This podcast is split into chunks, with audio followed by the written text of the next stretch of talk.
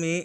Baik, bagaimana? Sorry sebelumnya ini percakapan ini merupakan taping kedua jadi hitungannya sorry kalau misalnya kita ada omong-omongan yang bikin males.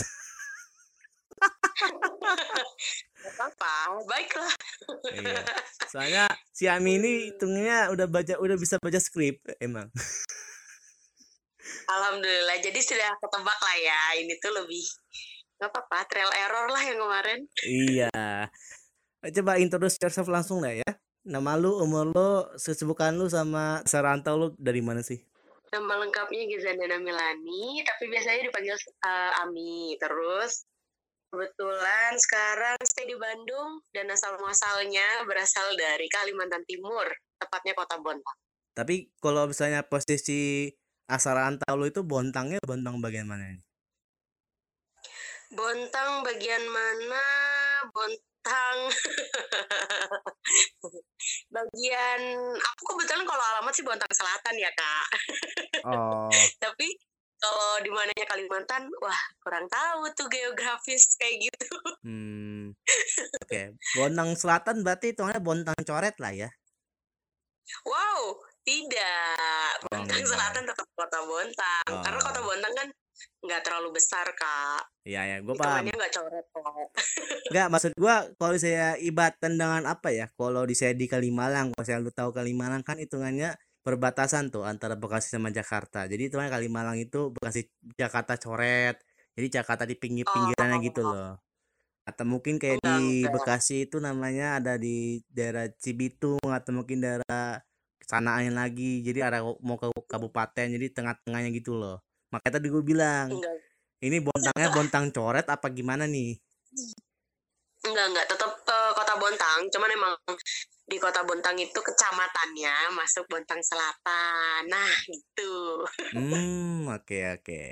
Nah, eh ekspektasi orang-orang mengenai Bontang dan realitanya yang lu hadapin sebagai anak Bontang kayak gimana sih?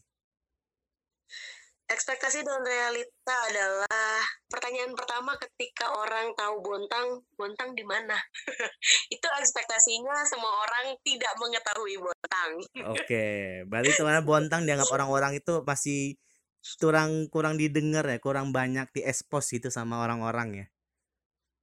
Betul, makanya aku kalau perkenalan pasti dari mana? Dari Kalimantan. Kecuali kalau ada pertanyaan lanjutan tuh baru aku sebut Bontangnya. Oh, karena agak lumayan capek sih ngejelasinnya juga. Hmm. Berarti tungannya lu bukan kayak loyal gitu. Lu dari mana Bontang? Nggak mengakui lu langsung Bontang gitu ya. Wah, bukan gitu. Tetap mengakui dong Pride Bontang. Cuman uh, dulu sih pas awal-awal juga kalau ditanya masih jawabannya Bontang, tapi pasti akan ada pertanyaan lanjutan gitu yang kalau untuk sekarang-sekarang udah males ya. Kadang pasti nyebutnya udah Kalimantan, Terus kayak gue bakal nanya balik gitu sih lebih ke kayak e, lu tahu Kalimantan ada kota apa? Ntar kalau dia nyebutin kotanya, nah gue tinggal bilang dah dari kota yang disebutin kota gue tuh berapa jam jaraknya kayak gitu. Paling kalau orang uh, seandainya pun ada yang tahu Bontang ya pasti nggak begitu tahu banyak sih karena biasanya lebih terkait sama teman-teman di industri yang tahu biasanya kalau di kalau dianya udah tahu Bontang kayak gitu. Jadi kayak oh iya ada temen juga kerja di sana kayak gitu atau ada temen yang dapat tawaran kerja di sana yang kayak gitu. Nah, ada lagi nah. gak sih ekspektasi sama realita yang lu dapatkan gitu mengenai Bontang? Ekspektasi yang gue dapatkan mengenai Bontang, ya Bontang, Kalimantan Timur, hutan. Kenapa hutan? Karena karena Kalimantan karena uh, orang taunya hutan. Oh gitu ya. Emang tapi sebenarnya kalau di Bontang itu emang banyak hutan apa gimana mi?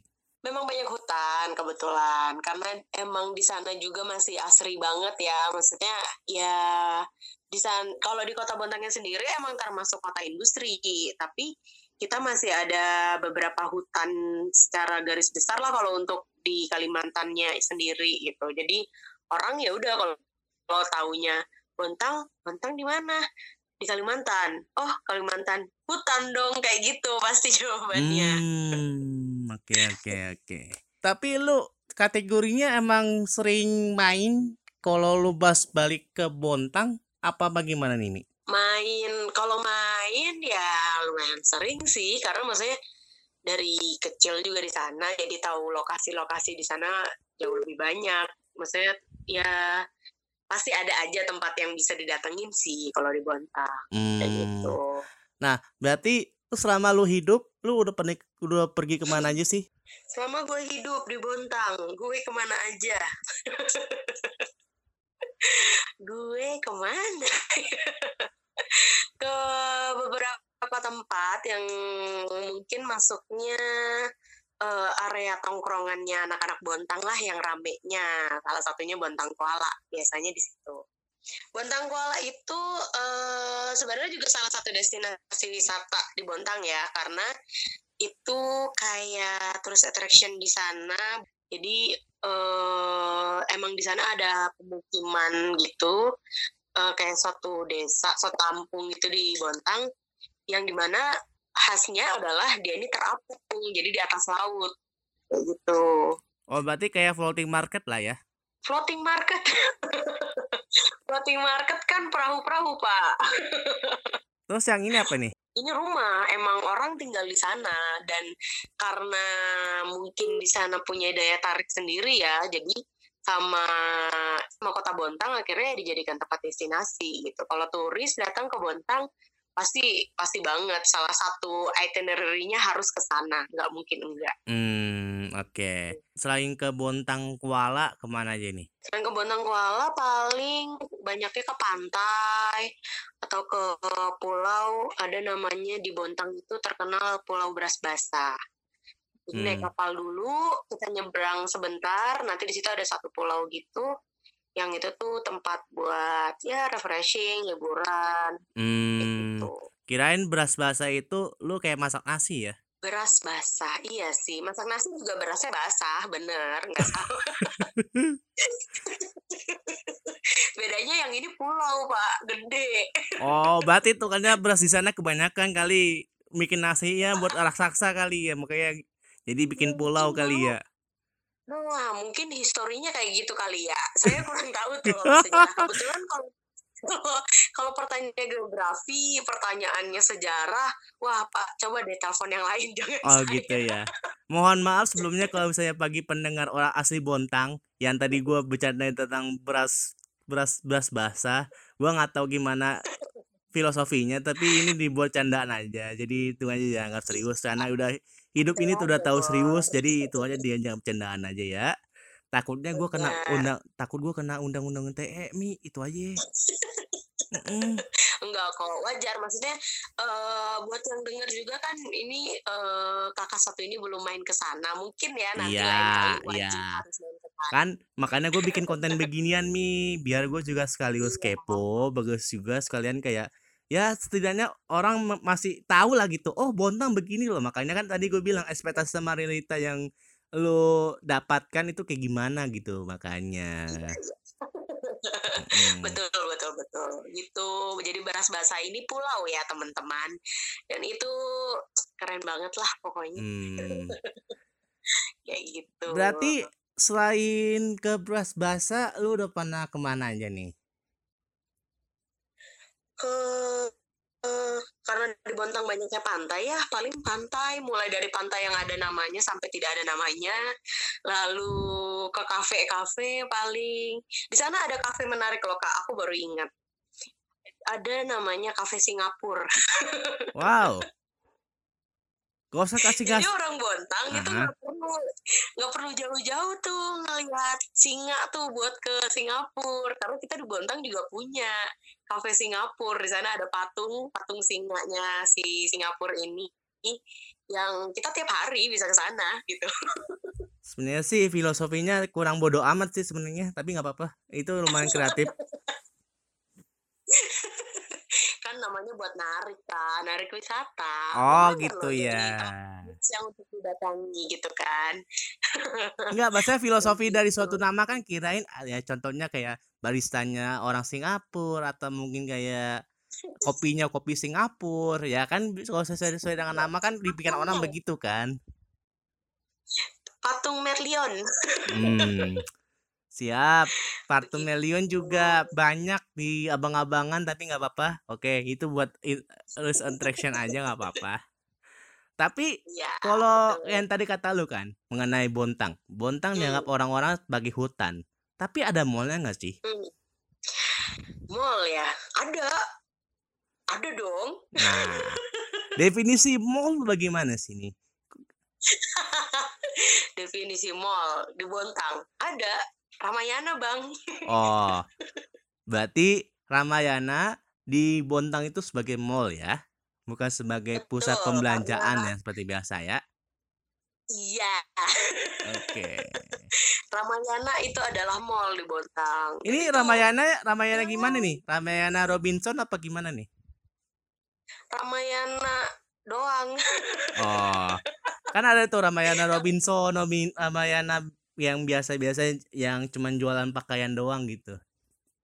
Oh, dia Ramayana.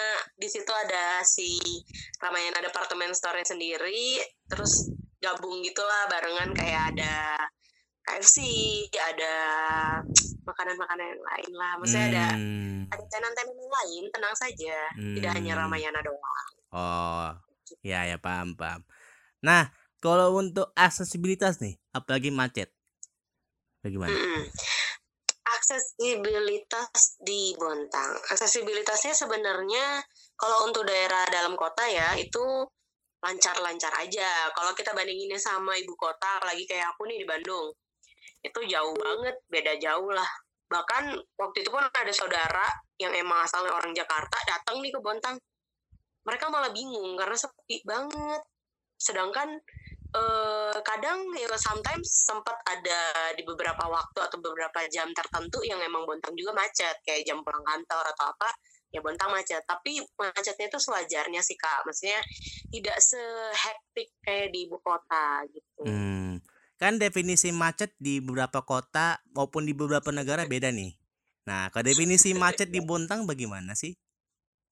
definisi macet di Bontang. Contohnya contohnya di Ramayana lagi ada sale diskon gede-gedean. Nah macet dah tuh Bontang titik.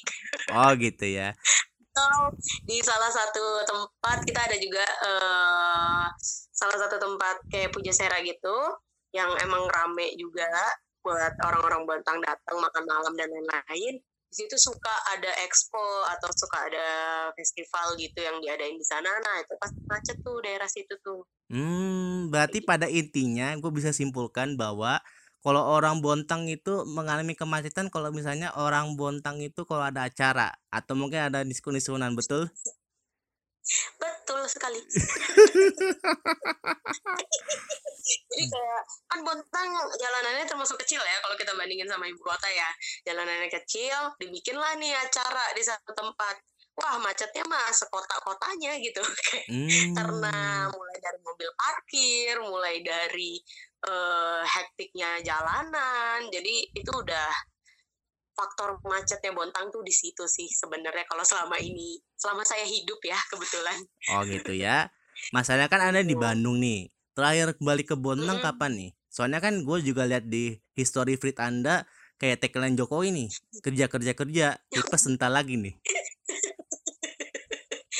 Gimana ya Pak kan sekarang lagi kabinet bersatu ya yang berdiri Oh. jadi emang tagline-nya kerja kerja kerja jadi kalau ke Bontangnya lupa tuh kapan lagi baru pulang nanti kali Iya. soalnya lebih sekarang kebetulan udah ada karir juga di di Bontang di Oh. Bandung maaf jadi Hmm. juga ada kesibukan lah di Bandung kayak gitu Karir atau hubungan nih? Hubungan kita skip aja yuk Makanya tadi kan untuk hubungan saya no comment Oh gitu ya. Oke, siap. iya aduh Siapa tahu kan nanti di karir sih. siapa tahu nanti pas dirilis podcast ini ya lu udah bisa melepaskan hubung eh, melepaskan masa juga kejombloan lu gitu. Aduh, masa kejombloan. Ya, ini ngomong serius nih kak. Udah umur segini sih kak, sadar lah maksudnya. eh karir ya kayaknya lebih di depan mata gitu. Jadi mungkin jodoh mah Oh, ya bisa diatur bisa gitu. diatur ya. Biasanya kok kayak apa ya tuh di tapping sebelumnya eh gua juga Hmm. berint- sempat berinteraksi juga sama temen gua, dia juga anak rantau. Dia bilang kalau misalnya dia Hmm. balik itu dia balik sebelum dipinang. Apa kalau begitu juga, Mi? Kebetulan mm, kalau karena hari ini, tepatnya malam ini ya, jawabannya kayak juga seperti itu deh kak. Saya mungkin tidak akan pulang sebelum dipinang. dipinang sama juragan kelapa sawit di Bontang, baru saya pulang.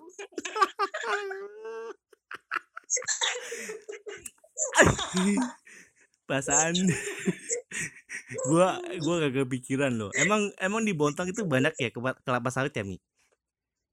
Kelapa sawit banyak, terus kebun karet juga banyak di sana kak. Hmm. Kan lumayan ya kak kalau jodoh gue taunya eh, juragan kelapa sawit atau kok Hmm. juragan karet kan udah aja. Iya. Rumah diem-diem aja anteng di rumah kan.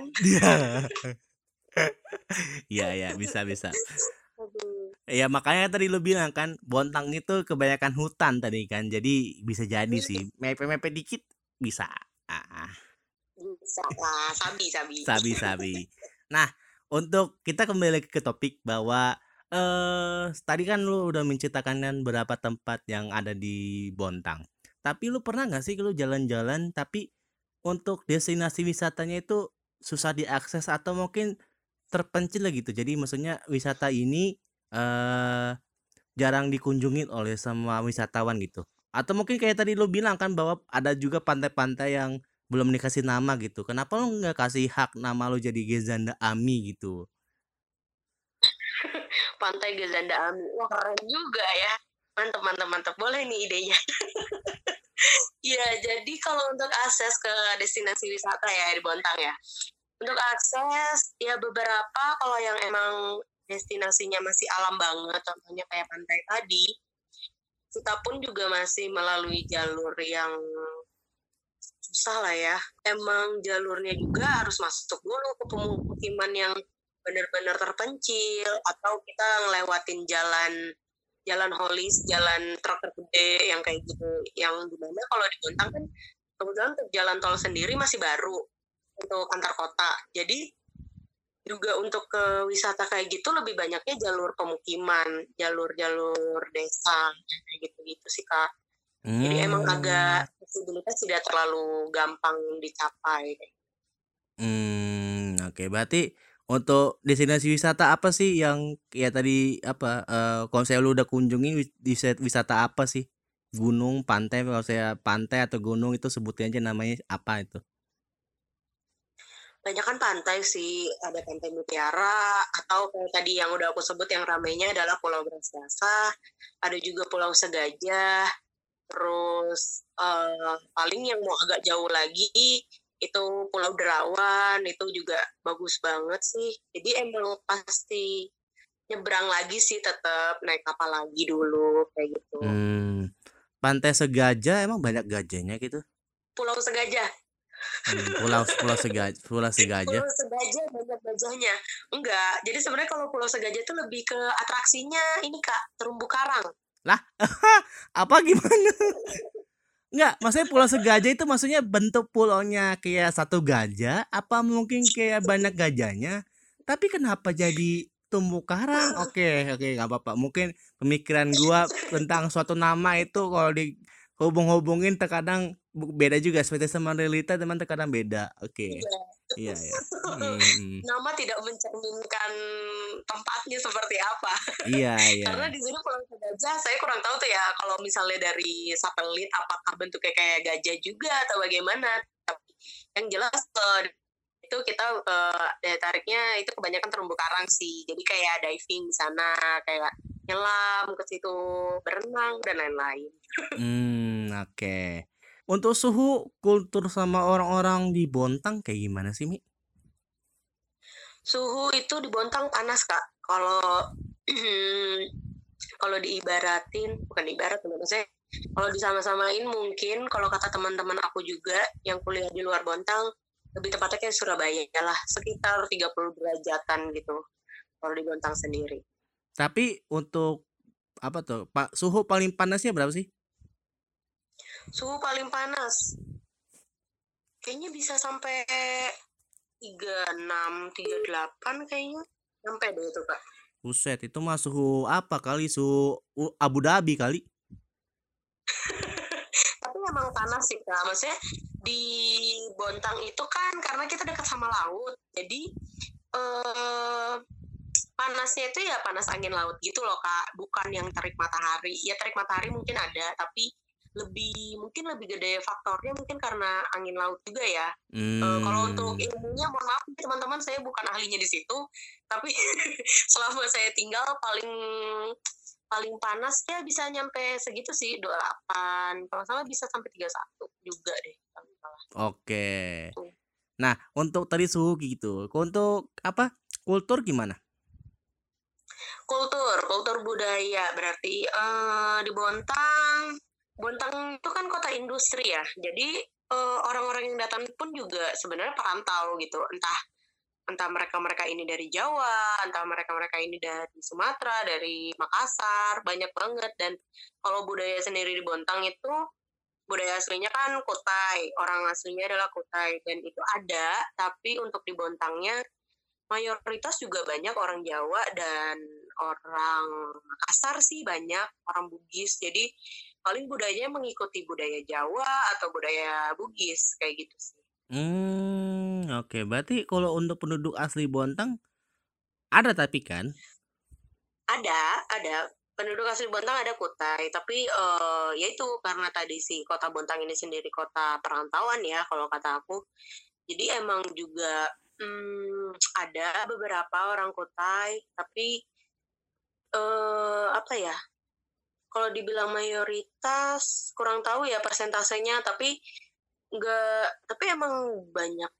Selama ini sepengenalan aku tuh banyak banget malah orang luar Bontang sebenarnya bukan yang orang Kutai asli. Ada yang orang Kutai asli pun biasanya juga udah campuran kayak teman-teman aku biasanya entah Kutai campur Jawa atau Kutai udah campuran mana gitu. Kalau kamu campur sari? Saya campur ca- nasi campur Waduh. Mi, ingat Mi, ini udah malam Mi. Ingat Mi. Lu Oh, iya, iya, kepikiran makanan mulu nih. nggak apa-apa kak kita makan untuk hidup eh hidup untuk makan. Nah, tadi gimana? iya jadi ya banyaknya juga udah campur-campur gitu sih kak Enggak, Kalau misalnya kamu, pun kalau yang tadi gue bilang tuh, kalau saya kamu kayak gimana? kalau aku kebetulan campur antar Jawa Banjar Nah, berarti Oke. hitungannya lu cuman numpang lahir doang lu di Bontang ya? numpang lahir kebetulan di sana nggak cuma numpang lahir sih kak numpang hidup numpang eh numpang segala-galanya di Bontang Hmm. Berarti nanti kalau saya buat next setelah lu kayak di Bandung gitu, emang lu pengen balik lagi ke Bontang buat eh, nyari cuan? Atau justru yang tadi yang, yang, tadi lu bilang, pu, pantang pulang sebelum tuh, belum sebelum dipinang. nggak tahu ya kak. Kalau itu jawabannya saya juga masih absurd. Jadi kalau untuk pulang ke Bontang masih bakal pulang lagi dong saya kangen juga udah lama nggak pulang kayak gitu tapi Hmm. untuk karir ke depan apakah akan menetap di Bontang atau mungkin mencari di Bandung itu masih belum tahu lah ini soalnya Oh. skripsi masih ada di depan mata Iya, iya, iya, iya. Oh, berarti untuk untungnya lu masih ingat kampung ya? Kirain lu udah lupa gitu loh. Masih kak kebetulan soalnya kebetulan nama masih tercantum di kartu keluarga di Bontang sih ya. Oh, sebelum dicoret takutnya gitu ya. Iya. Hmm. mungkin kalau udah dicoret udah di tip X sama si mama nah itu baru mungkin abis itu kita bikin next podcast selanjutnya lagi kali Nggak mungkin ada episode beginian, Mi. Kirain lu apa? Kirain lu lupa. Kalau saya lupa bahaya nih ntar episode ini. Yang ada, ah ini gimana nih? Inget kok, ingat, masih inget kampung, masih inget Bontang. Cuman kan Hmm. sedihnya tuh terakhir pulang juga udah teman-teman udah pada balik, Kak. Kayak tadi kata aku, maksudnya rata-rata temen juga banyak eh, orang tuanya orang perantau. Jadi kayak udah gede pada nih anak-anaknya mereka balik lagi ke Jawa kayak gitu. Jadi paling ya agak sepi aja sih dibandingin dulu. Hmm. Oh iya betul betul betul. Nah, untuk orang-orang di sana itu kayak gimana sih, Mi? Walaupun kata lu sendiri kan notabene banyak kan perantau gitu. Mm. Untuk orang-orang di sana sendiri ramah, baik, eh terus apa ya? Bingung ngedeskripsikannya. Nah. ya karena aku besar juga di sana, lahir dan besar di sana, menurut aku orang-orangnya ya baik-baik aja sih kak, nggak gimana-gimana. Hmm, enggak maksud gua easy going kah? Atau mungkin kayak eh, bas gampang basa-basi atau mungkin dilihatnya jutek tapi padahal aslinya baik. Kan itu kan banyak tuh. Easy going sih sebenarnya orang-orang Bontang juga pada ya itu yang tadi kata aku juga ramah-ramah dan maksudnya apalagi untuk eh sekarang itu menurut aku juga orang-orang Bontang lagi sadar-sadarnya akan destinasi pariwisata di Bontang ya. Jadi mereka pun juga ke turis tuh bener-bener ramah lah karena kita lagi emang naikin wisata Bontang juga. Menurut aku jadi kayak eh buat turis-turis yang mau datang ke Bontang sangat welcome lah kita pokoknya orang-orang Bontang gitu. Hmm, ya. Oh ada pernah aku pernah denger dulu tuh ada orang yang bilang gini orang kalau udah minum air di Bontang itu bakal kangen sih sama Bontang bakal nggak mau pulang ke asalnya Oh gitu. Oke, ya. Berarti lu lain kali kalau misalnya lu balik atau mungkin lu udah telat juga sih. Lu bawain air Hmm. tuh, air. Lu minumin tuh sekarang. Nah, baru lu balikan dua lu, balikan dua tahun yang lalu nih. Nah, kira misalnya lu bisa nih, misalnya nih, lu balik dua tahun yang lalu, lu ambil airnya. Udah, lu Hmm. gak usah minum sekarang biar lu kangen. Gitu nih. ya Allah kak air dua tahun gue diem di gue diemin udah jadi sarang nyamuk kak udah kagak bisa gue minum Lah, kan ini ya kan Nggak, ini kan konsepnya kan di- ditutup. Kalau usah dibuka ya yang ada jentik-jentik nyamuk yang ada tuh. Jentik-jentik nyamuk lu kumpulin bisa nanam cupang lu ntar. kan yang tadi gue sebutkan itu ibarat kata nih Oh, oke. Ya, ya, ya, ya, ya. Ya, ya. ada yang bilang gitu kalau lu udah minum air di Bontang lah ibaratnya udah udah nyentuh Bontang tuh pasti kangen lah sama Bontang gitu pasti Udah pengen pulang gitu udah di Bontang aja Oh, Oke, oke, paham, paham, paham.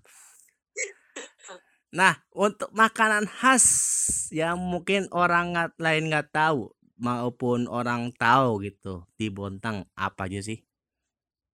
makanan khas di Bontang paling topnya gami bawis terbaik sih Hmm. itu kayak sebenarnya kalau dibilang makanan khas Bontang aku nggak tahu ya apakah sudah diklaim menjadi makanan khas atau bagaimana tapi si gami bawis ini sebenarnya adalah lauk dengan sambal. Jadi gami ini nama sambal gitu kak. Sambal khasnya gitu. Dan bawis ini sendiri sebenarnya lauk ikan. Jadi kalau di Bontang tuh kan ada ikan bawis itu enak banget. Dan emang kayaknya cuma ada di Kalimantan. Soalnya si bawis ini tuh sampai aku di Bandung ini pun belum pernah tuh nemu ada ikan bawis gitu jadi emang itu ngangenin banget sih dan Hmm. emang khasnya di sana tapi selain ikan misalnya ada teman-teman yang gak suka ikan nih si gami ini bisa kayak ada gami telur gami udang gami ayam jadi nggak harus dengan ikan bawis juga Oh gitu. Berarti hitungannya nggak kayak sambal ro sambal roa ya. Kalau saya sambal roa kan dari ikan ro roa ya gitu kan. Ya betul Hmm, Kalau oke. di roa kan emang karena di dalamnya pakai ikan roa kan. Kalau ini gami ini bisa ya gimana teman-teman aja seleranya. Kalau emang suka Hmm. telur bisa dengan telur. Kalau misalnya suka cumi, suka seafood kayak gitu itu bisa dengan udang, cumi dan sebagainya. Hmm, oke. Terus selain gami gami bawis apa lagi nih? Ada paling apa ya? Lebih ke seafood, lebih ke makanan laut karena karena di Bontang itu juga emang kita sumber daya lautnya kenceng banget. Jadi emang paling topnya seafood sih. Paling ya kayak kepiting saus merah atau misalnya ikan bakar gitu. Terus hmm, ada juga oh ada kapurung juga rame sih di Bontang maksudnya karena kan kita yang tadi aku bilang ada budaya Sunda eh Sunda budaya Bugis maaf. Jadi si kapurung ini juga rame dan banyak banget kalau nyari di Bontang tuh gampang banget nemuinnya gitu. Jadi uh, selain itu apa lagi ya? Banyak banget sih kalau makanan kak. Tapi kalau hmm. dibilang makanan khasnya palingnya itu sih yang gak mie tadi itu. Hmm. atau pisang pepe. Pisang pepe tuh kan juga uh, pisang pisang epe ya itu tuh pisang bakar gitu terus dijepit itu nanti pakai sausnya enak banget itulah. Hmm oke. Okay. nah untuk minuman minuman khasnya apa? Baik yang halal non halal sama yang memabukkan Ma, untuk minuman minuman itu uh, aku tahu di Bontang itu kalau khasnya tua sih jadi ada minuman tua itu kayaknya fermentasi dari entahlah karena aku sendiri belum nyoba ya jujur kak kalau untuk tua ini gitu karena hmm. emang ada kandungan alkoholnya juga tapi sering di apa ya sering diminum atau uh, banyak banget yang minum tua itu ketika ada festival budaya atau ada acara-acara budaya adat di Bontang kayak gitu sih. Hmm. Paling itu. Berarti kalau saya gue bisa simpulkan itu kalau Bontang itu banyakkan gun banyakkan pantai ya daripada gunungnya ya. Benar. Banyak banget pantainya dibanding gunung. Tapi ada gak sih gunungnya di Bontang? Di Bontang ada gunung eh mungkin bukan gunung ya sebutannya bukit kali kak karena dia lebih rendah daripada gunung sih kalau kata aku itu ada beberapa bukit yang juga bisa jadi destinasi buat didatengin kalau mau ke sana hmm. ya ada bukit biru terus ada bukit kembar dan lain-lain maksudnya banyak sih juga tapi mungkin nggak akan setinggi gunung karena cuman ya ketinggiannya ya kisaran bukit doang sih hmm tapi untuk akses ke sana susah nggak sih, Mi? Akses ya paling sama kak kayak ke pantai, maksudnya akan melalui jalur pemukiman juga, akan mm, jalur-jalur tanah yang belum diaspal, yang seperti itu sih. Jadi agak menyulitkan juga, tapi kalau buat teman-teman yang emang suka wisata alam sih sebenarnya itu suatu trekking yang menarik ya kalau kata aku. Jadi bukan suatu aksesibilitas yang perlu dikhawatirkan kalau memang suka wisata alam seperti itu. Hmm, berarti notabene gak bisa dilewatin pakai motor dong, pakai mobil jeep dong berarti ya? Hmm, mobil jeep juga ya mungkin bisa, tapi kan pepohonannya tuh banyak yang rapet gitu loh kak. Jadi mungkin motor sih lebih tepatnya. Dan motor pun maksudnya ada batas uh, batas buat si motor ini cuma bisa sampai situ. Ya udah sisanya ya trekking aja gitu. Biasanya ya Mi ya kalau misalnya hmm, setahu gua ya biasanya kalau di suatu destinasi kalau misalnya ada orang yang menjaga di kayak kayak tadi yang tadi lu bilang kan cuma sampai di sini hmm. doang sisanya kalau saya mau hmm. ke suatu tempat itu ada yang kayak dibilangnya ojol atau mungkin ya ojek pangkalan lah opang yang di sana gitu. Hmm. Kalau saya di kalau saya di sana ada nggak sih? Ada pastinya, terutama kan kalau misalnya orang yang di luar Bontang, katakanlah misalnya nggak usah jauh-jauh luar pulau ya, kita ngomongnya misalnya orang luar Bontang aja, entah itu dari ibu kota Kalimantan sendiri atau Samarinda atau orang-orang Balikpapan, itu maksud aku pun misalnya dia datang ke Bontang dan pengen ke wisata kayak ke salah satu bukit di Bontang pun, pasti kan mereka nggak tahu dong dengan uh, medan apa yang akan mereka temukan. Pasti rata-rata pada naik mobil yang di mana juga ya pasti ada ojek pangkalan atau warga lokal yang emang udah sedia buat prepare kendaraan yang buat kita pakai juga ada. Hmm, tapi kalau saya pakai opang beginian nyampe ke tujuan hmm. berapa lama nih? Nah itu tergantung opangnya. Hmm, lagi dalam mood seperti apa ya? Oh gitu ya. Oh buka ini maksudnya konsepnya mood kan, bukannya dalam kondisi duit kan? Iya, mood mempengaruhi duit. Karena di sana juga uh, kalau kata aku ya kayak beberapa daerah yang bahkan ya tadi kata aku contohnya aja pantai pantai ada yang ada yang punya nama dan ada yang bahkan belum ada namanya itu kan sebenarnya belum terjamah oleh pemerintah kalau kata aku. Atau mungkin pemerintah tahu tapi belum disediakan fasilitas lebih lanjutnya. Jadi kayak lebih banyaknya dipegang oleh warga lokal itu sendiri. Yang di mana harga itu ya bergantung pada mereka. Kita tidak bisa menentukan gimana bagaimananya jadi nggak ada kayak secara tiket masuknya tuh harganya segini dan itu pasti atau mutlak tuh ya kita nggak tahu karena itu bergantung sama warga lokalnya lagi sih kata aku hmm. yang mengelola lingkungan atau daerahnya mereka sendiri kan. Nah, maksud gua itu tadi gua membandingkan antara Opang ke biasanya dari hmm. kan yang tadi lo bilang kan bahwa uh, kalau saya kita ke destinasi si A ini ke bukit yang si A ini uh, diberhentiin hmm. baru nanti naik opang gitu. Maksudnya tadi gue mau pengen membandingkan gitu loh. Kalau saya naik opang berapa lama ke tujuan sama kalau misalnya jalan kaki itu berapa lama gitu loh Mi. Oh, kalau berapa lama jarak tempuhnya ya? Kalau berapa lamanya sih biasanya nggak akan terlalu jauh sih kak. Maksudnya uh, untuk di Bontang itu sendiri aksesibilitasnya mungkin yaitu kurang memadai karena lebih banyak jalur pemukiman atau jalur non aspal tapi untuk jarak tempuh di Bontang itu tuh tidak sejauh apa ya kayak kita di kota besar yang emang mau ke suatu destinasi gitu kata aku jadi nggak harusnya nggak berapa lama paling ya lima menit or hmm. 10 menit berarti untuk Jadi, paket wisata bisa lu hmm. sebutin nggak contohnya ini ada wisatawan atau contohnya paling simpel gua lah gua pengen ke Bontang. Gua kepo tentang Bontang. Apakah benar yang ekspektasi orang ya. mengenai hutan yang tadi lu bilang?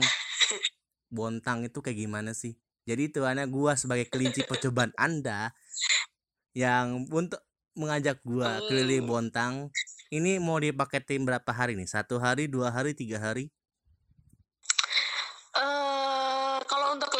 Bontang doang misalnya aduh maaf nih ya ada gangguan. Misalnya untuk wisata tur dalam kota Bontang sebenarnya bisa cukup dengan satu hari sih kata aku. Satu sampai dua hari. Tapi kalau untuk sampai keluar Bontang mungkin bisa dua sampai tiga hari. Maksudnya luar Bontang ini konteksnya seperti yang tadi aku sebutin. Entah itu ke pulau ke pulau-pulau di wisata di Bontang yang kayak gitu. Tapi kalau untuk disuruh bikin paketnya kak, hmm, saya bukan di bidangnya kebetulan. Oke, tidak apa-apa karena bat ya nggak apa-apa. Berarti hitungannya untuk untuk untuk part beginian cukup sampai di sini aja karena tak ya. takutnya ini kebetulan kita tapping jam 23.17 apalagi suara ada, ada wow. suara ketawaan takutnya dia dikira orang itu suara kunti. Nah, oke. Okay. Betul. Iya. Sebelumnya thank you Ami. Sorry banget nih ganggu waktunya. Gak apa-apa, sama-sama Kak. Iya. Soalnya ini tapping kedua, mohon maaf sebelumnya ini semoga aja masih tertarik aja sih non masih aja tertarik sih yang denger.